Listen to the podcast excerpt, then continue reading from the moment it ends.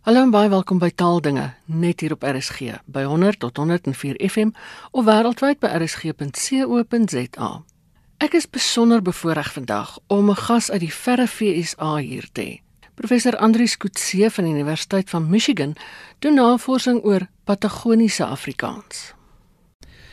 So was na die Tweede Anglo-Boereoorlog, so tussen 1902 en 1906, waar daar 'n groep van ongeveer 600 650 Afrikaanssprekers Patagonië toe is.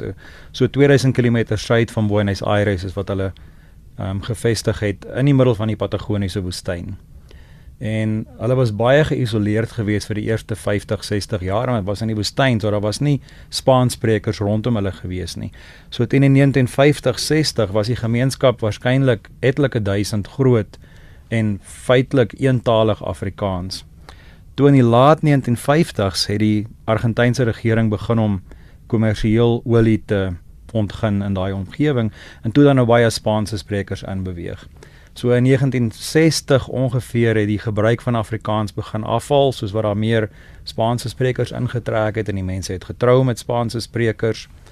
En vandag is ons met ander woorde nou in 'n situasie wat ek dink daar's 20, 25 sprekers van Afrikaans oor en hulle is almal oud, so tipies 70, 80, 90 jaar oud. So ons het so ongeveer 10 jaar oor om die die unieke en besondere variant variëteit van Afrikaanse dokumenteer. 'n Vreeslike interessante soort van Afrikaans, reg? Want hulle is in 1902 weg en het geen kontak gehad met Suid-Afrika in die tussentyd nie. Nie beïnvloed deur Engels nie, nie beïnvloed deur die standaardisering wat gebeur het in Suid-Afrika na 1925 toe Afrikaans die amptelike taal geword het nie. So dis so 'n soort van 'n 'n venstertjie op hoe Afrikaans moontlik gelyk het in 1902. Hmm. Maar natuurlik hulle is nou aan Spaans blootgestel, so mens met die Spaanse invloede probeer uittrek en taal verander. So dat ook goed verander in Patagoniese Afrikaans oor die laaste 120 jaar. So dit maak dit 'n bietjie moeilik om te weet wat is nou oorspronklike Afrikaans van 1902, wat is Spaanse invloed, wat is nuwe ontwikkelings in die taal. Die veranderings wat jy ondersoek, gaan dit oor sintaksis, gaan dit oor morfologie, gaan dit oor woordeskat of verandering in die algemeen? Ehm um, ons is 'n taamlike groot span van die University of Michigan wat aan hierdie projek werk. Ons is befonds deur die Humanities Collaboratory dis 'n uh ding wat die University of Michigan gedoen het om interdissiplinêre spanne te laat saamwerk op projekte. So ons het antropoloë en historiese en taalkundiges. Die taalkundiges op die projek, ons is almal fonetisies. Ons werk met die uitspraak. So dis van my eie belangstelling en ons kyk baie daarna, maar die die data is so ryk en en weet net selfs daarna van luister kan ek ook die morfologie en die sintaktiese goed hoor wat hulle anders doen. En die die leksikale item, so op die op die ou end wil ons by dit alles uitkom. Maar dis 'n werk wat 20 jaar of 30 jaar gaan vat. So ons het seker op die oomblik 40 of 50 ure se onderhoude met van die sprekers in die gemeenskap gevoer wat nou getranskribeer word en dit gaan met ander woorde op 'n stadium beskikbaar wees om al daai aspekte van hulle taal te ondersoek. Nou as ek dit reg verstaan, is Spaans 'n uh, bietjie van 'n ander familiegroep as Afrikaans. Hoe maak 'n mens daai vergelyking? Ehm um, ja, Spaans is in die in die Romaanse taalfamilie en Afrikaans is 'n Germaanse taal alhoewel Afrikaans seker die Germaanse taal is met die meeste invloede van ander tale oor die komplekse linguistiese situasie hier in Suid-Afrika. So hierdie gemeenskapie in Patagonië is waarskynlik die die enigste plek waar Afrikaans in so intensiewe kontak is met 'n Romaanse taal. So sommige van die goed wat ons sien in hulle Afrikaans is waarskynlik van Spaans af en gaan mens daarom waarskynlik nie 'n ander ander kontak variëteite van Afrikaans sien nie want is hierdie ander taalfamilie. So jy ek kan vir jou een of twee voorbeelde gee daarvan. Ja. Ehm um, Afrikaans het twee maniere om 'n meervoud te vorm. So jy kan 'n wat ons noem 'n schwa vokaal so 'n e aan die einde van 'n woord voeg of 'n s. Spaans vorm al hulle meervoude met 'n s. So hierdie Patagoniese Afrikaanse sprekers ehm um, is besig om die die schwa, die 'n e meervoud uit te werk en almal te vervang met S. So hulle praat van goed soos ehm um, weet hulle gebruik die woord trok vir 'n 'n vragmotor en hulle praat van hulle troks of ehm um, die restaurants in die dorp. Ehm um, so dit kom waarskynlik van Spaans af. Hulle doen ook in die in as ek dink aan die sintaksis wat moontlik uit Spaans uitkom, so Afrikaans en Duits en Nederlands het hierdie reël dat in 'n in 'n hoofsin het jy die volgorde onderwerp werkwoord voorwerp die seun skop die bal. Maar in 'n ondergeskikte sin gaan die werkwoord na die einde toe dat die seun die bal skop. Hierdie patagoniese sprekers is geneig om altyd die werkwoord tweede te sit. Maak nie saak of dit nou in 'n onderskikkende sin of 'n hoofsin is nie. Dis moontlik Spaanse invloed. Dis moeilik om te weet want Suid-Afrikaanse Afrikaans doen dit ook op die oomblik wat moontlik Engelse invloed is. So is dis nie baie duidelik waar waar waar dit vandaan kom nie. En het Spaans nog woordgeslag en uitgange en daai soort van dinge wat hulle dalk sou kon oorneem? Ja. Ja, so Spaans het het het het meer van daai morfologie wat jy aan die einde van selfstandige naamwoorde en werkwoorde kry. Dit het hulle nie oorgeneem in in Afrikaans in nie. Nee, gewoonlik in so 'n kontaksituasie ehm um, jy gaan die die minder komplekse deel van die grammatika oordra in 'n ander taal in. So eerder as hulle Spaans praat, gaan hulle met ander woorde nie in Spaans die geslagte van die naamwoorde reg gebruik nie. Maar jy gaan nie daai komplekse stelsel van die geslag in Afrikaans inbring wat dit nie het nie. So dis gewoonlik die die minder komplekse wat oordra na die meer komplekse stelsel toe. En albei van hulle tale beïnvloed mekaar op op die manier. Met dit dat hulle in 192 al die uit is, toe daar duidelik nie opnames gemaak is nie. Hoe meet jy as taalkundige nou daai verandering as daar niks op hmm. is wat mens kan hoor nie? Ja. Yeah. Dis nou uiteraard baie moeilik en ek ek wens ons kon opnames hê van 1902 of selfs 1910 of selfs 1920 so naby aan aan dit as wat ons kan kom. So wat 'n mens maar op moet staat maak is is van die beskrywings van Afrikaans wat uit daardie tydperk uitkom. So daar is taamlike goeie fonetiese beskrywings van Afrikaans. Ehm um, maar natuurlik nog geen opnames daarvan nie. En daar is wel voorbeelde in die uitspraak van hierdie mense ehm um, wat nie regtig meer baie algemeen is in meerderheids Afrikaans in Suid-Afrika vandag nie, maar wat ons weet uit die vroeëre beskrywings was deel van Afrikaans. So byvoorbeeld van die goed wat hulle doen is um Afrikaans het die g klank verloor. Um so ons het 9 eerder as 9 so daai die klank wat ons spel met die g het in Afrikaanse g geword. Um hierdie mense het nog g in party plekke. So hulle het byvoorbeeld nog 9 En ek dink dis 'n ouer variant. Ek dink ons kan ook nog daar op ons oupas en oumas nog in Suid-Afrika hoor. Ehm um, hulle doen ook dinge ehm um, wat wat ek dink 'n ouer variant van Afrikaans is, maar ook op die oomblik dalk 'n streeks variant is.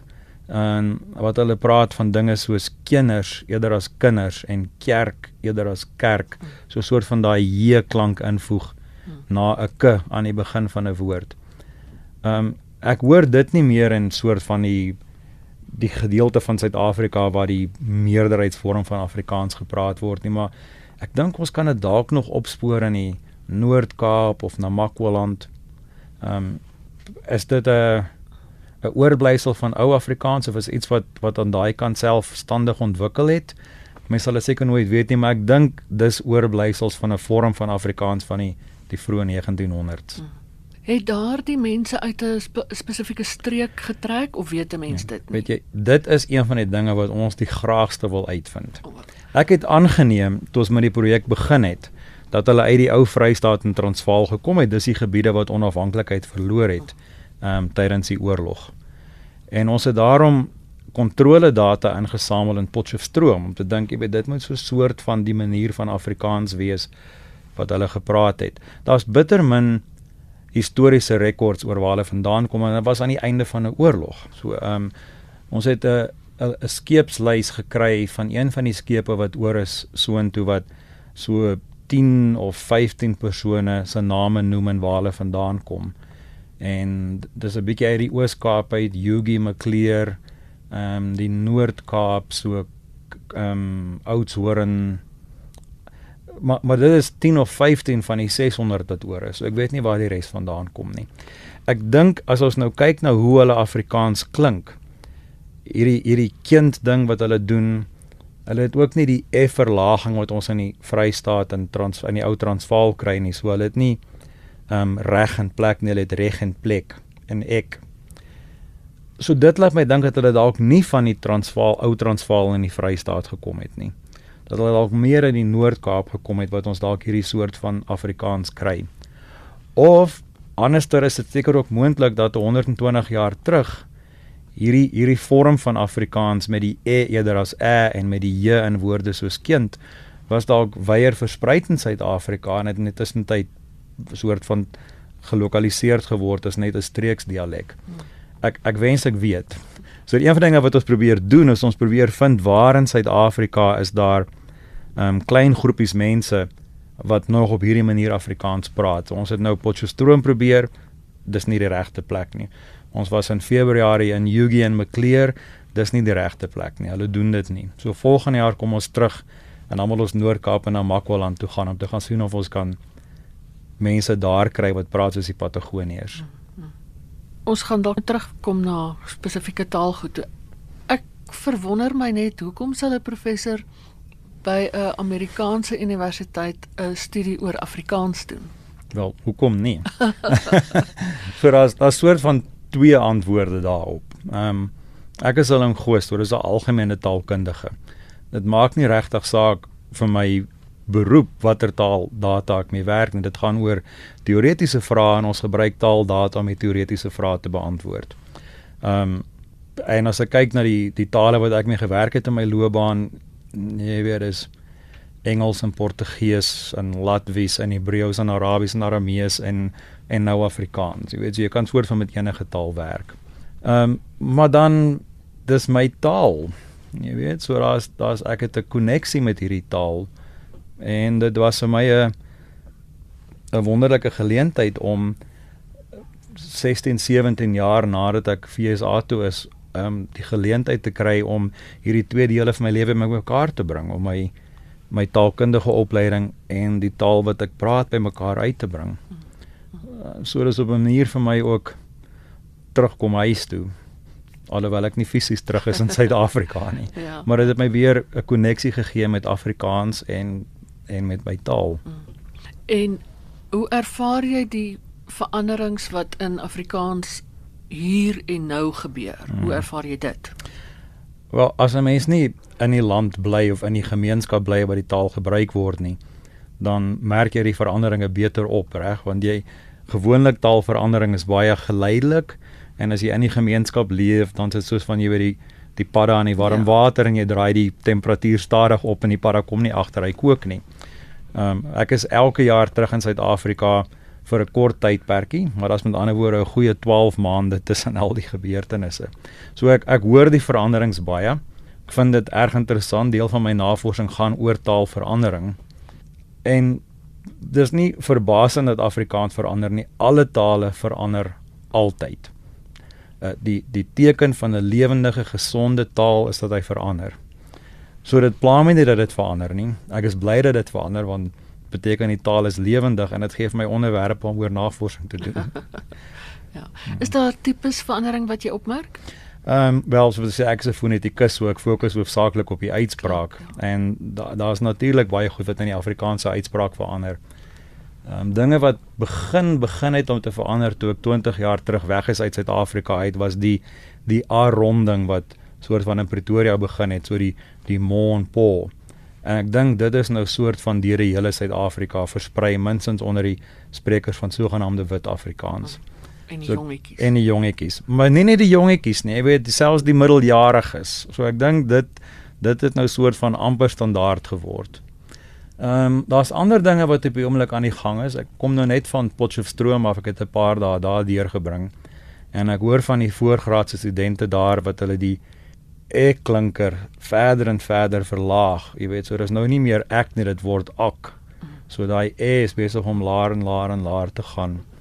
Ehm um, 'n ander ding wat ek wat ek mense hoor doen is die oe vokaal in woorde soos soen wat 'n uh, wat ons nou in fonetiek sal sê 'n agtervokaal is van jou tong word agtertoe getrek in jou mond en 'n ronde vokaal van jou lippe is rond as jy hom uitspreek.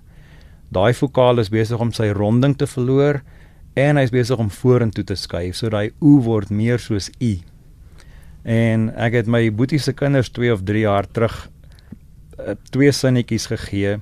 Die ma sien die baba en die ma soen die baba. En hulle gevra om nie vir my te sê watter een hulle lees nie. En dan moet ek probeer hoor of hulle sê soen of sien en ek kan nie meer die verskil hoor nie. So daai jong geslag, die wat nou op hoërskool is, hulle o is nou amper dieselfde as u. En dis 'n dis 'n verandering wat ons sien en wat in baie tale plaasvind. Ehm um, Duits doen dit, Amerikaanse Engels doen dit, Suidse Britse Engels doen dit. Ehm um, maar dis net 'n paar voorbeelde, daar's mm. baie baie meer wat mm. wat in Afrikaans aangaan. Ek kan vir jou nog een interessante voorbeeld gee. Uh, Afrikaans wel, die Germaanse tale in die algemeen is nie toontale nie. Ons mm. gebruik nie toon om verskillende woorde se betekenisse aan te dui nie. Ja. Afrikaans is in die proses om 'n toontaal te word. Ehm um, die historiese onderskeid tussen wat ons noem stemhebbende en stemlose plosiewe, so die verskil tussen woorde soos ehm um, ehm um, bad en pad wat begin met 'n b, so die stemhebbende en p die stemlose. Histories is die verskil tussen daai twee in die eerste konsonant.